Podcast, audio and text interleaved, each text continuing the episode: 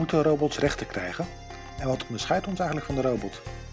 Welkom bij de Nationale Datapodcast van Verdonk, Klooster en Associates.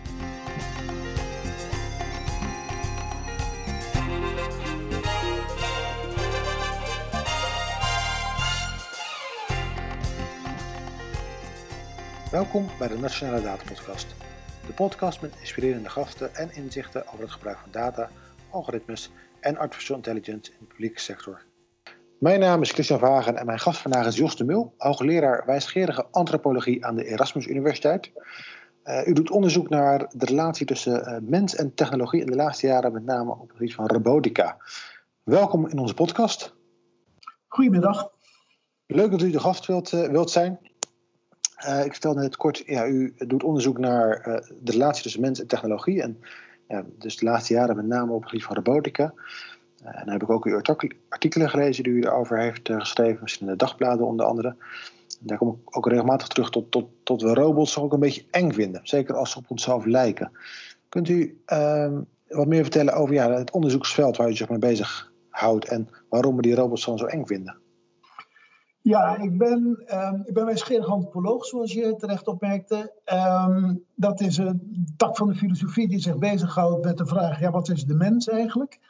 En je kunt de mens uh, op een heleboel manieren benaderen. Um, je kunt hem bijvoorbeeld vergelijken met dieren, wat onderscheidt de mens van het dier. Um, maar ook een manier om naar de mens te kijken is um, vanuit het perspectief dat de mens een van de weinige dieren is die zo uit, uh, uitgebreid zijn leven aanvult met allerlei culturele en technologische artefacten. Um, de wijsgerig antropoloog uh, Helmoet Plessner heeft de mens ooit gedefinieerd als kunstmatig van nature. Dat is een beetje een paradoxale uh, formulering. Maar dat geeft aan dat, dat de mens eigenlijk um, zonder die artefacten niet volledig mens is. Hè? Als iemand die bijvoorbeeld geen taal heeft geleerd of niet gekleed is, uh, geen enkel technische middelen, noemen we die nog mens. Hè? Zelfs iemand die niet kan lezen en schrijven, wat ook een culturele verworvenheid is, um, kun je dat al afvragen. Nou, um, technieken zijn heel belangrijk voor de mens en um, uh, daar hebben we een hele verschillende, uh, verschillende type relaties onderhouden we daarmee. Technieken kunnen een soort extensie van ons zijn. Denk aan een bril bijvoorbeeld, een soort uh, versterking van bepaalde eigenschappen. Een telescoop en een microscoop uh, is ook op, op, op die manier uh, beschouwen. Soms kunnen we zelfs dingen waarnemen dankzij technieken die we um, zonder die technieken niet kunnen waarnemen. Denk bijvoorbeeld aan een infraroodcamera. Dat is een, een manier, of echolocatie. Hè? Dat we, als we ons in de vleermuis willen inleven bijvoorbeeld. Um, we hebben ook allerlei technieken waarmee we een, um, een hermeneutische relatie hebben die bepaalde informatie aan de omgeving onttrekken die we anders niet zouden kunnen krijgen. Um, niet zozeer in de vorm van een waarneming, maar meer in additionele informatie. Denk aan een thermometer bijvoorbeeld. We kunnen natuurlijk wel voelen of het koud of warm is, maar een thermometer kan vrij precies een temperatuur aangeven. Soms hebben we ook een, een achtergrondrelatie met technologie. Centrale verwarming bijvoorbeeld, die merk je eigenlijk nauwelijks op. Pas als die niet meer functioneert, dan valt die op. Hè? En, zo is natuurlijk heel veel in ons, in een technologische samenleving als de onze, behoort ook tot die, tot die algemene achtergrond, de hele infrastructuur eigenlijk die ons leven mogelijk maakt. Maar dan is er nog een vierde verhouding en die is vooral wel erg interessant en die zou je kunnen noemen uh, een relatie waarin de techniek als een quasi-ander aan ons verschijnt. Um, en, en, en quasi ander, daar bedoel ik mee, het lijkt een soort um, medemens te zijn. We interacteren daarmee, maar het is een quasi-ander in de zin dat het niet echt een mens is. Um, een robot is daarvan natuurlijk een heel goed voorbeeld. In vele opzichten lijkt een robot op een mens. Dat hoeft niet direct te zijn in de zin dat hij er uiterlijk als een mens uitziet, alhoewel je dat soort robots ook al hebt, androïde-robots. Maar um, wat vooral belangrijk is, we kunnen ermee interacteren. Hè? Het, is, het, um, um, het is een actor waarmee we in interactie treden. dan zijn we heel snel geneigd daar ook allerlei menselijke kwaliteiten aan toe te schrijven. Um, dat, dat, hebben we al met de computer bijvoorbeeld. Hè, dat mhm. wanneer hij niet doet wat wij willen, dat we al heel snel een soort persoonlijke relatie er bijna mee krijgen. En erop gaan schelden of anderszins um, daarmee in interactie treden. En dat, dat is een bijzonder interessant fenomeen. Um, vooral als robots steeds meer deel gaan uitmaken ook van onze sociale omgeving. Kijk, zolang we robots gebruiken op een hele instrumentele manier, bijvoorbeeld industriële robots die auto's in elkaar zetten of um, schepen uitladen en dergelijke, dan um, is die interactieve component nog niet zo van belang. Maar um, zodra dat wel gebeurt, ontstaan er allerlei interessante fenomenen. En ook niet alleen op cognitief niveau, maar ook emotioneel. Om, om een heel klein voorbeeld te geven, een soort robotje, ook de Tamagotchi. Ik weet niet of je die nog herinnert. Ja, die ken ik nog vroeger. Maar in de jaren negentig had je, het was een soort kookwekkertje. Hè? De aaibaarheid van een kookwekker uh, had dat apparaatje. Maar dat, was een, hè, dat werd gepresenteerd als een wezentje en dat moest je voeden. Um, en je moest ermee spelen, want als je dat niet deed, ging het dood. En um, nogmaals, het had, het had de aaibaarheid van een kookwekkertje. Hè? Dus het was, het, het, het, was niet zacht of pluizig of wat dan ook. Maar toch merk je dat mensen daar een emotionele betrokkenheid eh, gingen vertonen. En dat heeft te maken met die interactiviteit. En, en maakt dat ons dan tot, tot we onszelf zeg maar, zien in zo'n zo'n ontwikkeling? Hè? Dus onszelf terugzien in zo'n robot? Of zien we toch toch onszelf steeds meer gaan vereenzelvigen met, met, nou, met robots en ook met kunstmatige intelligentie die achter zit? Of? Ja, ja dat, dat is een heel interessant punt. Um, want wat je ziet, en dat is een van de redenen dat ik geïnteresseerd ben in de relatie mens-techniek, is dat um, we technieken vaak ook gebruiken om onszelf te begrijpen. Uh, en dat heeft te maken met het feit, um, het is erg lastig voor ons om onszelf te objectiveren. Hè? We zitten aan onszelf vast, als het ware. We, we kunnen wel naar onszelf kijken, maar dat is toch niet zo heel makkelijk. Hè? Een, dier kun je makkelijker objectiveren dan jezelf. Maar wat we vaak wel doen, is technologieën en technieken gebruiken om dat te doen. Om, om een voorbeeld te noemen, in de 16e en 17e eeuw komt de machinetechniek op. En we zien dan dat de mens zichzelf ook als een machine gaat beschouwen. Denk bijvoorbeeld in de, in de geneeskunde, dan gaat men bedenken, ja, het hart is eigenlijk een soort pomp.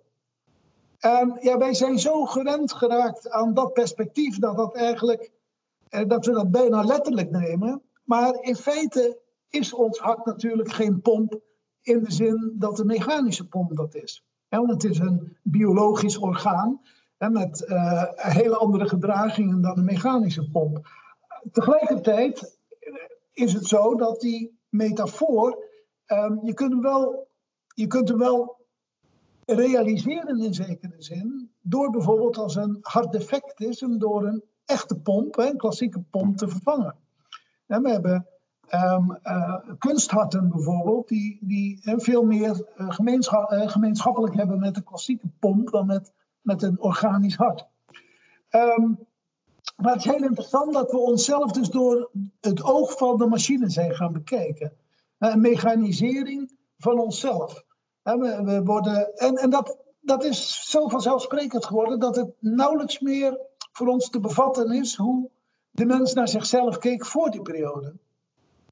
Bijvoorbeeld ook een ziekte bijvoorbeeld, uh, was in de middeleeuwen een straf van God of een, een, een truc van de duivel of wat dan ook.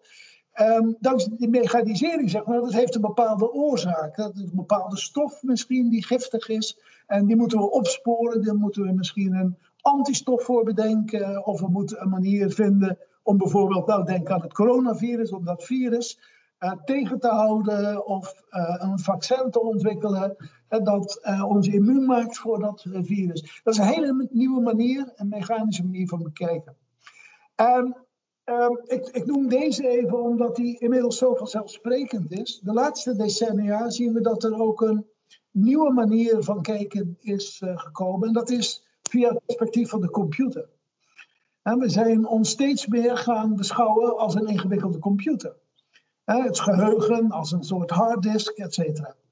En um, er zijn zelfs theorieën die zeggen, zoals in de 16e en 17e eeuw, sommige mensen zeiden: het heelal is één grote machine. ingewikkelde machine. En het planetarium is ook een mooi voorbeeld daarvan. Die mechanische planetaria die laten dat heel mooi zien. Tegenwoordig zijn er mensen die zeggen, ja, misschien is het universum wel één grote computer. Hm? En is, ons, is ook de mens in feite wordt door algoritmen aangedreven. En um, dan terug te komen naar jouw vraag. Ja, dan wordt uh, de robot ook een soort alter ego waar we steeds meer op gaan lijken. Ja, heel mooi de vergelijking die u maakt hè, vanuit, vanuit de, de, de metafoor tussen het hart en de pomp. Ja, nu, nu trek je inderdaad naar waar we nu staan, inderdaad, zoals u zegt, we zien onszelf als een computer. Hè, de, de, de hersenen en kunstmatige intelligentie, die, waarbij we toch ook steeds meer proberen met behulp van kunstmatige intelligentie onze hersenen misschien wel na te bootsen. Ja. Um, en daarvan dan vertellen we altijd nog wel van, nou, dat de mens toch altijd nog wel slimmer is. Uh, maar waar ziet u het, het onderscheid? Waar, waar, zit het onderscheid tussen, tussen um, ja, zo'n kunstmatige intelligentie uh, en hetgeen wat, wat, wie wij zijn? Nou ja, misschien is het goed om een, een onderscheid te maken tussen zo'n metafoor opgevat als een model of als een realiteit. Hè? Um, je, je, kunt natuurlijk zeggen, um, de pomp is een goede metafoor om het hart te beschrijven, omdat er een aantal overeenkomsten zijn, bijvoorbeeld de pompfunctie. Maar het is niet hetzelfde. Je hebt ook mensen die zeggen, ja, eigenlijk is de mens een ingewikkeld mechanisme, natuurlijk complexer dan een pomp, een mechanische pomp. Maar um, als, we het, um, um, als de wetenschap voortschrijdt, zullen we zien dat we alle aspecten van het mens zijn ook mechanisch kunnen verklaren. En met de kunstmatige intelligentie heb je eigenlijk hetzelfde. Je hebt, daar wordt vaak ook wel tussen sterke en zwakke AI onderscheiden. En zwakke AI zegt van nou, wij, wij bouwen een model van menselijke intelligentie. Om, en dat doen we dan vooral om menselijke intelligentie te begrijpen. Bijvoorbeeld, je maakt een schaakcomputer en dan zeg je nou, dat is intelligent gedrag. En die kan zelfs de wereldkampioen verslaan, dus die is zelfs heel intelligent. Maar is dat nu hetzelfde als menselijke intelligentie? Zeg, nou ja, nee, dat model, um, het kan één bepaalde, één bepaalde eigenschap van menselijke intelligentie heel goed uh, simuleren. Maar bijvoorbeeld uh, sociale intelligentie van een schaakcomputer is ongeveer nul. En de schaakcomputer kan ook niet op een trap lopen. En dat is toch ook intelligent gedrag. En en ze zeggen, oké, goed, dan moeten we het model verfijnen. En dan kunnen we nog dingen toevoegen. En dan, dan blijft het een soort werktuig om erachter te komen wat menselijke intelligentie is. Maar ook daar heb je mensen die zeggen, nee, wij maken echt intelligentie. En uh, intelligentie die misschien na verloop van tijd ook nog wel superieur zal zijn aan menselijke intelligentie. Maar daar wordt het niet zozeer meer als een model gezien, maar als het ding zelf, hè, waar je mee bezig bent. Ja, die, die, nou, de superioriteit is interessant, daar komen we zo meteen over te spreken. Maar die, eigenlijk die machines, de intelligentie die wij creëren, daarvan zeggen we ook, nou, die worden misschien steeds meer mensachtig. In de zin van uh, misschien nog wel op een hele enge manier dat ze bepaalde beslissingen van ons overnemen. Uh, maar tegelijkertijd ook ja, misschien onze zaak ook aan gaan spiegelen. En dat gaat inmiddels vrij ver. Uh, zover zelf tot, ik meen twee jaar geleden, in het Europees Parlement werd er gesproken over, nou moeten we nou niet die, die robots, die systemen uh, ook iets van rechten gaan geven. Hè? Ook, ook aansprakelijk gaan stellen voor de beslissingen die zij nemen. Uh, wat, wat, vindt u daarvan? Moeten we dat systeem. Nou, nou dat, dat, dat, is een ontzettend interessant vraagstuk. Um, kijk, ik noemde net de robot de quasi-ander. En dat, is, dat, dat, wil je zeggen, hij is ongeveer een ander, maar niet helemaal.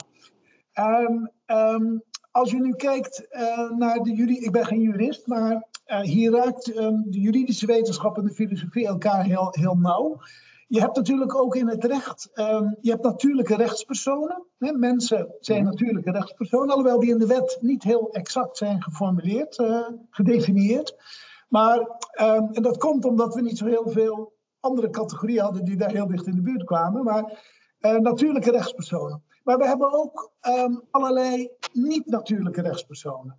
Denk bijvoorbeeld aan uh, een organisatie die ook een bepaalde juridische aansprakelijkheid op zich kan nemen. Hè? Ook een bepaalde juridische, um, um, een bepaalde, uh, geen, het is geen persoon, maar wel een zekere, in een bepaalde mate rechtshandelingen kan vervullen, zoals contracten afsluiten bijvoorbeeld. Dat kan een organisatie doen.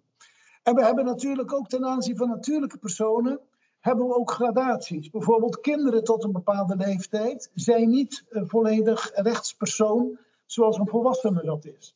Um, en um, je zou ook nog kunnen denken aan de positie van de vrouw bijvoorbeeld. Tot 1956 was de man verantwoordelijk voor het gedrag van de vrouw. En dus was de vrouw ook niet een volledige rechtspersoonlijkheid. Je kunt ook denken aan discussies over dierenrechten bijvoorbeeld. Dan wordt er gezegd, ja, moeten we dieren ook niet bepaalde rechten toekennen? En zo ja, welke? Um, ook een heel interessante vergelijking is de status van de slaaf in, de, in, de Romeinse, uh, in het Romeinse Rijk. Want een slaaf was in zekere zin geen rechtssubject, maar een rechtsobject. Namelijk iets wat je kunt verhandelen. Maar tegelijkertijd uh, had uh, mocht bijvoorbeeld de slaaf kon wel optreden als getuige. een slaaf kon ook bezit verkrijgen. Um, een bepaalde, er waren, had ook bepaalde rechten. Je mocht de slaaf niet zonder meer doden, bijvoorbeeld, zonder reden. Ik denk als je over robotrechten gaat denken in deze context, wordt het um, een veel genuanceerdere discussie dan louter de vraag: moeten ze ook rechten hebben net als mensen? En ik denk, eh, de robots zoals we die nu kennen, daar, zullen heel weinigen zijn, denk ik, die zullen beweren dat je ze mensenrechten moet toekennen zoals mensen dat hebben. Maar um, je, je kunt bijvoorbeeld denken, en nu vergelijk ik het even met, uh, met de slaaf bijvoorbeeld, dat Um, een, een, robot is een rechtsobject in de zin hè, dat ik kan een, als ik een robot heb die aan jou verkopen. Maar uh, je, kun, je hebt ook robots die bijvoorbeeld contracten afsluiten. Hè, bijvoorbeeld een softbot die een, een, een, een bot doet op een uh, veilingsite. Uh -huh. Dan heeft die softbot die heeft wel een zekere um, rechts, een zekere rechtshandeling in dat perspectief. Um, uiteindelijk ben, heb ik daar een zekere verantwoordelijkheid over, maar het is niet zo dat die robot geen enkele rechtsverantwoordelijkheid heeft.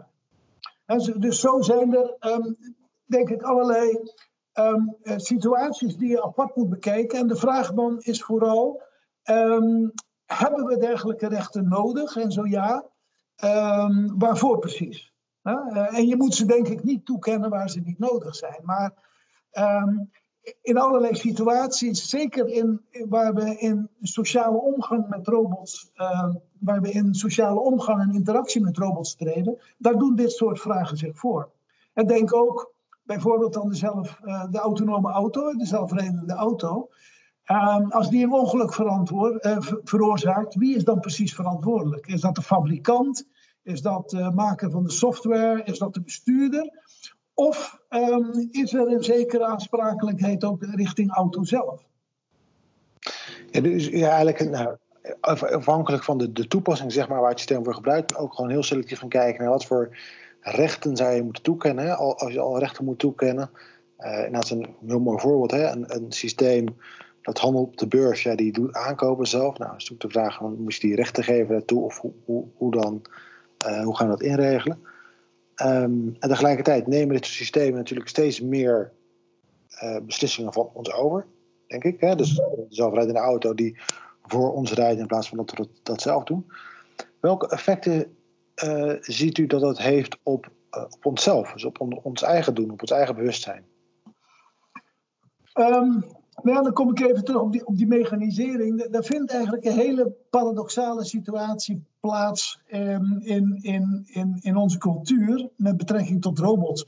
Want aan de ene kant zien we dat we robots steeds verder vermenselijken in een aantal opzichten. Ze worden steeds intelligenter.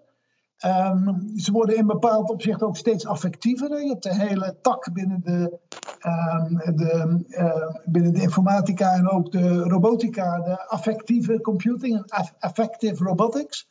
Ja, want daar wordt dan vaak ook gezegd, ja, om intelligent te zijn moet je ook gevoelens hebben op een bepaalde manier. Intelligentie is niet louter een kil rationele afweging. Emoties zetten ons ook aan tot rationeel gedrag. Ja, als je honger hebt, um, dan ga je op zoek naar eten. Um, daar, daar, moet je intelligent voor zijn om het te kunnen vinden. Maar als je niet, um, als je niet gemotiveerd wordt door een emotie, dan, kun je niet, uh, dan, dan ga je überhaupt niet handelen. En de, Deep Blue of andere schaakcomputers worden nooit s'morgens wakker met het gevoel van nou ga ik eens lekker de wereldkampioen verslaan vandaag. Nee, die, die zijn louter passief, die moeten aangezet worden door de mens. En dan ehm, draaien ze hun programma af, maar die hebben geen autonomie hè, in, in, in, in, dat opzicht. En nu, en nu een mooi voorbeeld inderdaad, maar ook toch ons, ons beeld van die computer, waar we nu ook ja. die wordt, die wordt steeds slimmer, die wordt misschien zelfs wel superieur aan ons. Nou, ons beeld daarvan wordt denk ik ook wel gevoed of uh, uh, nou, misschien helemaal terecht, terecht of onterecht door allerlei films hierover verschijnen vanuit, vanuit Hollywood, maar ook zo'n boek als uh, Homo Deus, waarin er wordt geschreven, nou, die, die komst van die superrobot die is onvermijdelijk. Uh, zelf schreef u erover, las ik in de, mij als in de Groene Amsterdammer. Uh, als u nadenkt over ja, waar gaat het nou naartoe, uh, vergelijk je de positie die wij nu hebben met die van de chimpansee, die zich afvragen wat het is om mens te zijn.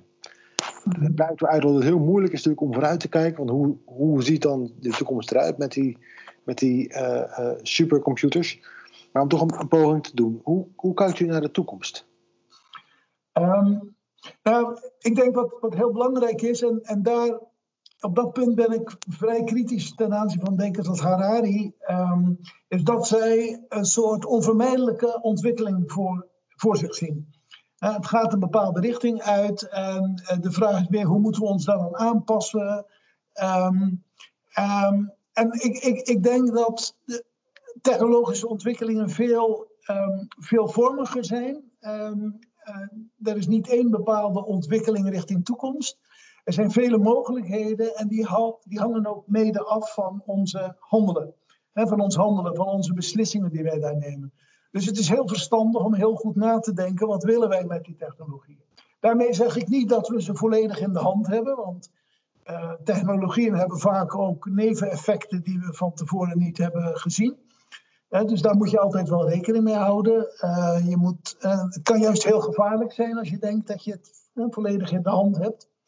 Maar ehm, we kunnen een heleboel verschillende kanten op. En ik heb bijvoorbeeld in mijn boekje Kunstmatig van Nature onderweg naar Homo sapiens 3.0 ehm, verschillende scenario's geschetst. Want um, ja, computers en AI is één tak, maar je kunt ook denken aan genetische modificatie bijvoorbeeld.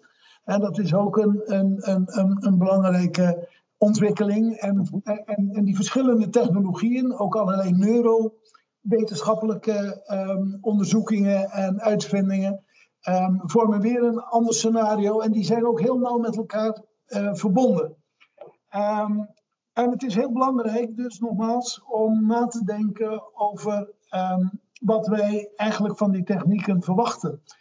Um, nou ben ik minder bang dat, um, um, dat wij op hele korte termijn door superieure intelligenties zullen worden uh, overvleugeld. Want als we kijken, de menselijke hersenen is werkelijk een bijzonder uh, orgaan. En er zitten 100 miljard neuronen in, dat is ongeveer evenveel als sterren in de melkweg. Uh, de complexiteit daarvan is zo enorm. Daar staan onze huidige computers staan daar, en ook um, uh, robots staan daar uh, enorm ver van weg. Hè. Dus wanneer uh, iemand als Stephen Hawking um, opmerkt van zullen nog deze eeuw overvleugeld worden door superieure intelligenties, dan neem ik dat een beetje met een korrel zout. Um, het wil niet zeggen dat er geen gevaren kleven aan die ontwikkelingen, maar ik denk eerder dat het gevaar is dat we door inferieure intelligentie zullen worden overvleugeld. Um, ik bedoel daarmee dat um, op allerlei gebieden worden technologieën geïntroduceerd die de complexe, uh, complexe menselijke werkelijkheid reduceren tot een veel simpeler iets. En wij gaan ons steeds meer aanpassen in dat opzicht aan die, aan die technieken. En dat hangt ook met die mechanisering samen waar we het eerder over hadden. Denk bijvoorbeeld aan de rechtspraak. Um, daar zien we dat uh, computerprogramma's steeds meer een rol gaan spelen. En in zekere zin, dat wordt ook wel de mechanisering van het recht genoemd, um, wordt de, de, complexiteit en de, de, de gedetailleerdheid van iedere, van iedere afzonderlijke zaak, wordt daar in feite gereduceerd tot algemene regels. En ehm, dat, is een, dat is een groot gevaar, omdat ehm, in de rechtspraak is jurisprudentie nu met name uh, heel erg belangrijk. Het gaat niet om een mechanisch toepassen van regels. Een rechter moet altijd uh, de regel um, toepassen op dit hele specifieke geval. En dan kijken ja, op welke manier moet je deze regel in dit geval toepassen. Um, dan kom ik nog even terug, want ik was net met een, een betoog bezig waar ik even onderbroken werd door een, uh, door een andere vraag die je stelde. Kijk, we, we gaan langzamerhand computers en robots steeds meer vermenselijken, maar tegelijkertijd zien we een andere tendens dat we de mens steeds meer gaan mechaniseren. In de zin, hè, wanneer wij de mens met een machine of een computer vergelijken, dan gaan we hem in, in zekere zin simpeler maken dan die is. En dat geldt niet alleen voor ons beeld van de werkelijkheid hè, en van de mens, maar ook voor de praktijk, bijvoorbeeld de rechtspraktijk. Dank voor uw verhaal. We komen uh, helaas eigenlijk alweer een beetje aan het einde van deze podcast uh, terecht. Uh, maar niet zoals u weet, voordat ik je, uh, ook u, aan u de vraag stel: wie zouden wij voor een volgende podcast moeten uitnodigen? Um, nou, ik zou graag een oud promovenda van mij uh, willen voordragen, Esther Keimolen. Um, zij houdt zich bezig met, ook met relaties mens-technologie. En ze heeft zich vooral gericht op vertrouwen. Ze heeft daar een heel mooi proefschrift over geschreven. Ze heeft ook een tijdje bij de WRR gewerkt en heeft uh, daar uh, bijvoorbeeld aan de hand van het kinddossier ook onderzoek naar gedaan. ze heeft een tijdje gewerkt bij ILO in Leiden, een interessante afdeling bij rechten die zich bezighoudt met de relatie ICT en recht. En nu werkt ze in Tilburg en doet ze een groot project onder andere op het gebied van blockchain-technologieën, die ook weer met vertrouwen van doen hebben. En het lijkt me ontzettend interessante gast om uit te nodigen. Dank, mij ook. Dank voor deze suggestie en nogmaals dank voor uw verhaal. Graag gedaan.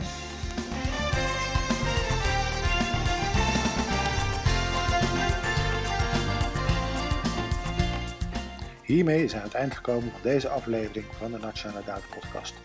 Bedankt voor het luisteren. Abonneren of terugluisteren op alle afleveringen van de Nationale Data Podcast kan via iTunes, Spotify of je favoriete podcast app. Tot een volgende keer.